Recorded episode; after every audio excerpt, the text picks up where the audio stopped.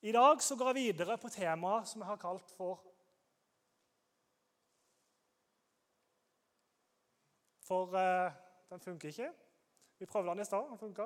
Yes. Derfor bare styrer den. Hvis jeg gjør sånn, så styrer den. hvis jeg ikke går. Temaet for i dag er hvile. Jeg vet ikke hva du tenker på når du tenker hvile.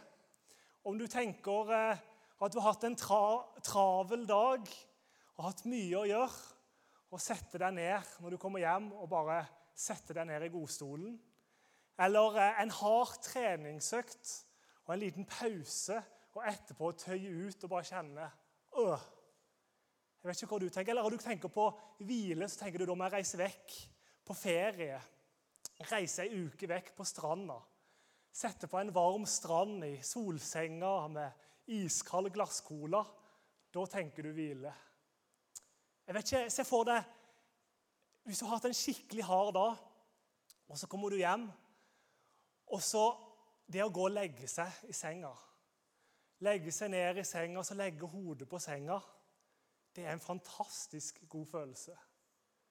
Da kjenner du at du får hvile. Men bli med meg på dette. Se for deg videre at du eh, har lagt deg for å sove. Og så klokka fire på natta så hører du at det er noen som romsterer med døra di. Du er alene i huset, og du har soverom i andre etasje. Så plutselig så hører du et himla brak. Døra blir sparka inn. Det spruter grus utover. Du hører at det er flere menn som kommer trampende opp med høy stemme opp trappa di. Og Du ligger der i senga di, og så hører du bare døra di sparkes opp. Så ser du bare opp, så ser du noen menn som kommer i sånn terrorkostyme, det er ikke kostyme, uniform, og bare hiver seg over det. slenger deg ned i bakken, slenger på håndjern, før du får sagt noe, så har de dratt deg ut og så har de slengt deg inn i en, eh, i en politibil. Kjører i full fart av gårde. Du sitter med hjertet i halsen. Hva er det som skjer? Du har ikke fått noen forklaring. Kommer fram, så hives du inn i en, eh, i en fengselscelle, og der sitter du. Hvem hadde vært rolig da? Hvordan hadde du reagert? Hadde du vært sinna? Hadde du vært frustrert? Hadde du vært dritredd? Jeg vet ikke, jeg. I Bibelen er det en historie som ligner på den. Det står om Paulus og Silas. De ble tatt kun fordi de snakka om Jesus. Det var eneste grunnen. Og den historien som Jeg snakker om, jeg kan kjenne at å, det hadde vært ubehagelig, men det de opplevde, var mye verre. De opplevde at de ble tatt bare fordi de snakka om Jesus. Så ble de piska. De ble faktisk hudstrykt. Det betyr at de hadde et redskap som de gikk tau ut ifra. Så hadde de knokler ifra bein på. Så når de slo de, så festa det seg fast i hoden, og så røska de opp huden. På den måten ble de piska bare fordi de trodde på Jesus. Og så eh, blir de da kledd nakne, eller kledd av tøyet, kasta inn i ei celle. Og det er jo ikke celler som vi har i dag, hvor det er gode senger. og sånne ting. Det var steingulv. Og beina deres ble lenka fast i en bom, som du ser på bildet her. En trebom, begge beina. Og der sitter Paulus og Silas i et fengsel bare fordi de har snakka om Jesus. Og de fikk en opplevelse og ble røska ut. Hva er det jeg har gjort galt? Og så sitter de der, og så har de valg. Hva skal vi gjøre nå? De sitter med enorme smerter. De sitter på et kaldt gulv sannsynligvis. Og De får ikke sove pga. smertene. Og midt på natta så står det at de er i bønn og lovsang til Gud. Og Det er et fantastisk bilde. Og De andre fangene sitter og ser på. I en situasjon hvor de kanskje andre hadde vært redde og sinte og frustrerte, så satt de og sang lovsanger. Og Paulus, som det er snakk om her, han har jo skrevet Filipperbrevet som står i Bibelen. Og I Filipperne 4,4 så står det 'Gled dere i Herren alltid'. Igjen vil jeg si 'gled dere'. Og det skrev han mens han satt i fengsel. Så hva er det som gjør at de i den situasjonen der valgte å lovsynge. At ikke de valgte å bli dritsinte og dritfrustrerte eller kjemperedde. Jeg tror at det er to ting som går litt inn i hverandre. Jeg tror det er troen deres på Jesus, og at de tok et bevisst valg. Og det tenker jeg du, et valg, du har et valg i ditt liv. Du kan møte utfordringer, du kan møte stormer. Det står om jeg så går gjennom dødsskyggens dal, så skal jeg ikke frykte for noe ondt, står det i Bibelen. Ikke frykte for noe ondt. Så uansett hva du møter i livet av bekymringer, av sykdommer og plager, så kan ikke sykdommen og plagene bare forsvinne, men du kan ta et valg. Hvordan skal jeg ta dette her? Skal jeg være sint? Skal jeg være frustrert på Gud? Og det kan du få lov til. Og det er litt sånn Tom og Jerry, det sier jeg ofte, har mot. Og da sier jeg du har en engel på skuldra, du har en djevelen på den andre skuldra. Og du har et valg med dine tanker. Du har en valg med dine handlinger. Hva vil du gjøre? Vil du velge å bare høre på de negative tankene, eller vil du prøve å få det positive? Du, faktisk, du er ikke en slave av tankene dine. Du kan ta valg og si at i en sånn forferdelig situasjon som de var i, så valgte de faktisk å lovsynge Gud. Så uansett hva de situasjonen du står i, så ikke grav deg sjøl ned, men vær med og løft deg sjøl opp. Og Jeg har to ting jeg har tenkt på når det gjelder det med valg. Og Den ene er det med tilstedeværelse. Du ser der det står det uh, 'now, tomorrow, today'. Nei, 'Tomorrow, yesterday'. Og vi har så lett for å, for å bare tenke på hva som skjer i framtida, eller hva som har skjedd, og glemmer å nyte livet her og nå. Jeg husker når jeg, når jeg gikk på skolen i Grimstad, i, eh, så måtte jeg gå ned til rutebilen, og rutebilen var rett med sjøen. Fantastisk. Og da husker Jeg alltid jeg pleide å sette meg på en benk og så satt jeg og kikka på sjøen og kikka på folka som fikk forbi. Jeg husker Det var noe av det gøyeste jeg visste da jeg var mindre, var å sitte og se på folk. Det er så mye rare folk og fine folk. sånn sett. Men bare det å sitte og se på folk. Og så tenker jeg i dag hadde jeg gjort det samme.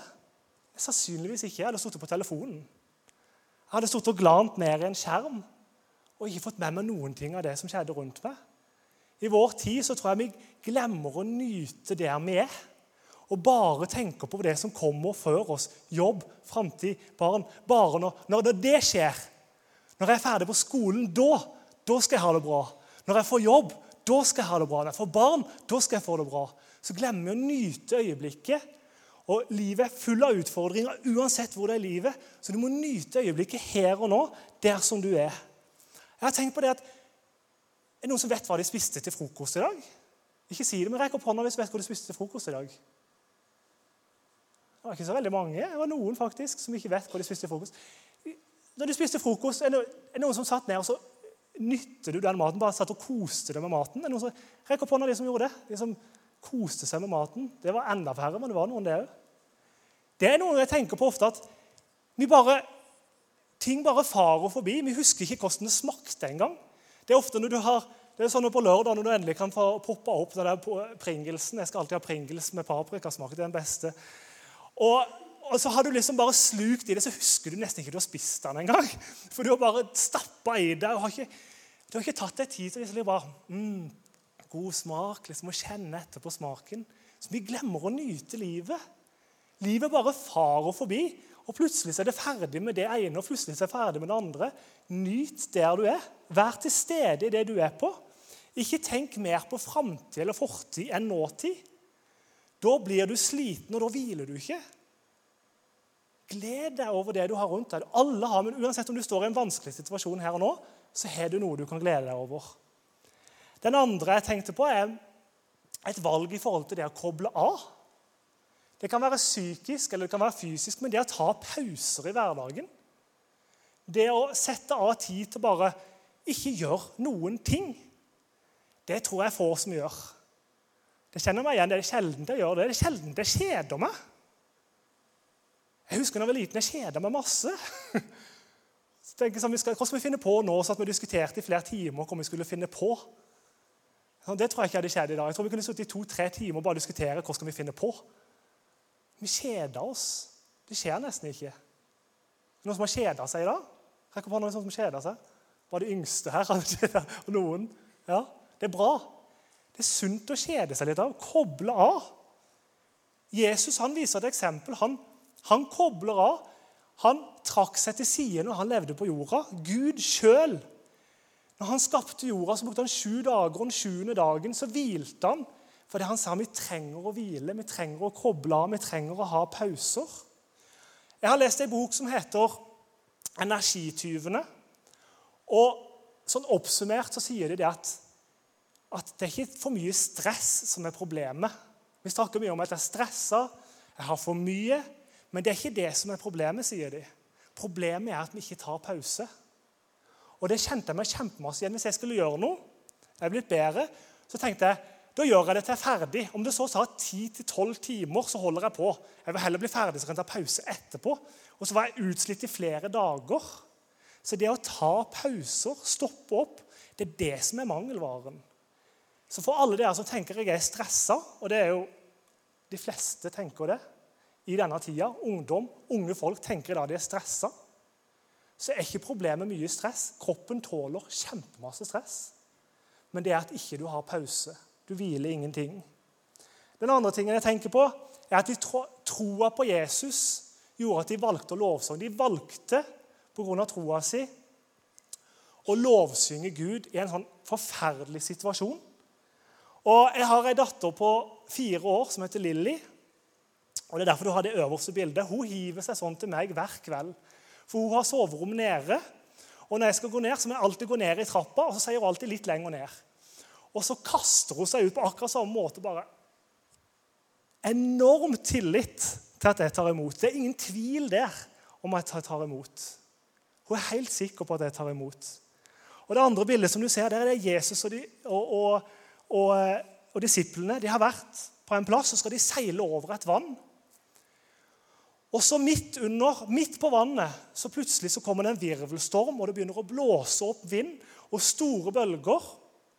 Og Det begynner å slå bølger inn og vann inn i båten, så båten holder på å gå under. Og Jesus han ligger i båten og sover. Han ligger med hodet på en pute og sover. Og Så sier, går de bort og vekker Jesus og sier de, 'Mester, bryr du deg ikke om at vi går under?' Og Så reiste Jesus seg, og så trua han vinden, og så sa han, 'Bli stille.' Og Så la vinden seg, og så la bølgene seg, og så ble det helt rolig. Og så sier Jesus til dem, 'Hvorfor er dere så redde? Har dere ennå ingen tro?' Hvorfor er dere så redde? Har dere ennå ingen tro? Tenk troa på til Paulus og Silas gjorde at de lovsang når de sto med store smerter på ryggen og satt inne i fengselet bare fordi de hadde snakka om Jesus. Og Disiplene her hadde sett Jesus helbrede lamme, helbrede syke, i hopetall. Så han, det han påpeker, hvorfor har de ikke tillit til meg? Hvorfor stoler de ikke på at jeg har kontroll? Jeg er jo i båten. Jeg som er Gud sjøl, ligger i båten. Hvorfor er dere redde?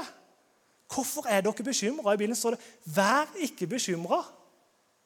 Men legg alt fram for Gud i bønn og påkallelse med takk. Hvorfor er vi så bekymra? Hvorfor er vi så stressa? Glemmer vi at Jesus er i båten? Gud sjøl, som har skapt himmel og jord, er i båten.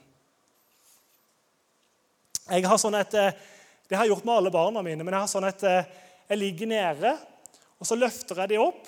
og Så står de på hendene, og så står de kun på hendene og balanserer. Og Det har vi gjort mange ganger for å komme til det punktet og øvd og gjort forskjellige ting. Og I starten så var de redde, og sånne ting. men etter hvert så tørte de å stå ned. Nå står de nesten og danser mens jeg står og holder de der. Så du får en tillit ved å bli kjent med Hun fikk en tillit fordi hun visste at jeg holdt henne. Hun var trygg på at jeg har kontroll. Hun hiver seg ut fordi hun vet at jeg tar imot. Og Hvordan er det i ditt liv? Kjenner du Jesus så godt? Stoler du så på ham?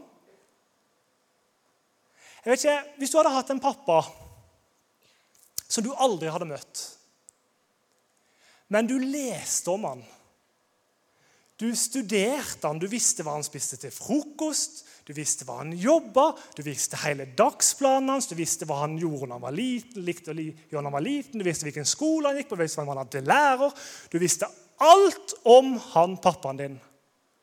Men kjente du han fordi du visste alt om han? Det er en stor forskjell på å ha kunnskap om pappaen sin og kjennskap om pappaen sin. Har du kunnskap om Gud, eller har du kjennskap til Gud? Hadde du kun hatt kunnskap om pappaen din og du hadde møtt han, hadde du kasta deg rundt armene på ham, fortalt alle de verste tinga som hadde skjedd den dagen, øst ut av hjertet ditt og grått for han, for du, du jo, kunne jo alt om han. Nei, det gjør du fordi du kjenner han. Du stoler nå er må jeg si, Det er ikke sikkert alle som har en pappa de kan stole på, men for dere som har det. Du stoler på ham, du har tillit til ham, du vet at du kan øse ut alt. Hvor godt kjenner du Gud? I Bibelen så står det 'Kom til meg'. Hvis du strever og har tungt å bære, så skal jeg gi dere hvile. Du kan komme til Han med alt, alt som du har på hjertet. Han ønsker at du skal bli kjent med Han, ha en relasjon hvor om det stormer i ditt liv, som det vil gjøre, at du stoler på at han er med, han bærer deg, og han har kontroll. Og at du klarer å gi kontroll over din framtid, og ikke går og bekymrer deg og grubler på det, men hvis du har Jesus som herre, så handler det egentlig om å legge ned bekymringene for han og si framtida mi er i dine hender. Og Det kjenner jeg noen ganger at jeg bekymrer meg masse. og det, Da er det liksom at jeg sier Gud tar det, og så slapper jeg av. Jeg hviler. Men så er det nei, jeg må jo ha litt kontroll. Hva skal jeg gjøre? Så tar jeg det tilbake igjen. Men legg det hos Gud. Kom til han og legg alt, og så kan han hvile og stole på han. Og det tar tid. Så Mitt største tips her i dag er bli bedre kjent med Jesus. Bruk tid med han og lær han å kjenne. Stol på han. Det fins ingen plass du kan få større og bedre hvile enn hos han. Helt til slutt så skal jeg gi dere en liten utfordring. Ordet faste det er et ord som er brukt flere plasser i Bibelen. Det handler om, egentlig om å avstå fra mat. egentlig. Men egentlig så handler det om å stå avstå, avstå fra goder som vi bruker mye i hverdagen. Så det kan være flere ting. Det kan være mat, det kan være bare at du ikke spiser frukt. Det kan være eh, data, det kan være mobil, det kan være en aktivitet. Det kan være flere ting. Og det det handler om, er at du tar pause fra noe for å ha tid og konsentrasjon til noe annet. At den tida du bruker på, kanskje på mobilen, at du sier at eh, jeg skal ta pause for det en, en dag, f.eks. Og så den tida jeg heller bruker mobilen, den skal jeg bruke på Gud. Og Det er ingen sånne ting at du skal gjøre, men Bibelen gir løfter om at, at vil, du vil trekke deg nærmere Gud ved at du avstår fra noe. Så gir han løfter om at han vil møte deg når du gjør det. Jeg har gjort en sånn en eh, rar ting denne helga. Se på den fancy telefonen der. Var ikke den fin? Jeg var oppe og kjøpte den på Europris til 249 kroner. Alcatel One Touch. Jeg skal ha en pause denne helga fra smarttelefon. Fordi jeg merker at jeg bruker altfor mye tid på den skjermen. Og den gir meg ikke energi, den tar energi. Og det er ikke sånn Du kan bruke masse tid, men av og til er det godt å bare få en pause. Få det litt på avstand, og så kan jeg ta det tilbake igjen til helga. Men jeg vil bare gi dere en utfordring på det. Er det noe i deres liv som tar for mye opp av deres tid? Som stjeler deres energi? Som gjør at ikke dere kjenner at dere kan ta hvile og pauser? At du går inn i telefonen eller du går inn i et dataspill eller du går inn i et eller annet istedenfor å sitte ned og puste ut og slappe av. Så hvis du kjenner på noe, ta den utfordringa, så vil du oppleve at det vil være med å velsigne deg. Det håper jeg for min del med den rare telefonen. Flott. Lovsangstime kan komme opp. Takk, Jesus, for at eh, du ønsker vi skal hvile hos deg. Takk for at du ønsker vi ikke skal være bekymra, vi skal legge alt inn foran deg. Takk for at du er her nå. Takk for at du ønsker å berøre hver enkelt her i denne salen. Jeg ber om at de skal ta valg som er gode for seg sjøl. At de skal ta pauser. At de skal være til stede i eget liv. Takk, Jesus. For vi kan få lov til å komme til deg med alt, og du ønsker at vi skal hvile hos deg. I Jesu navn.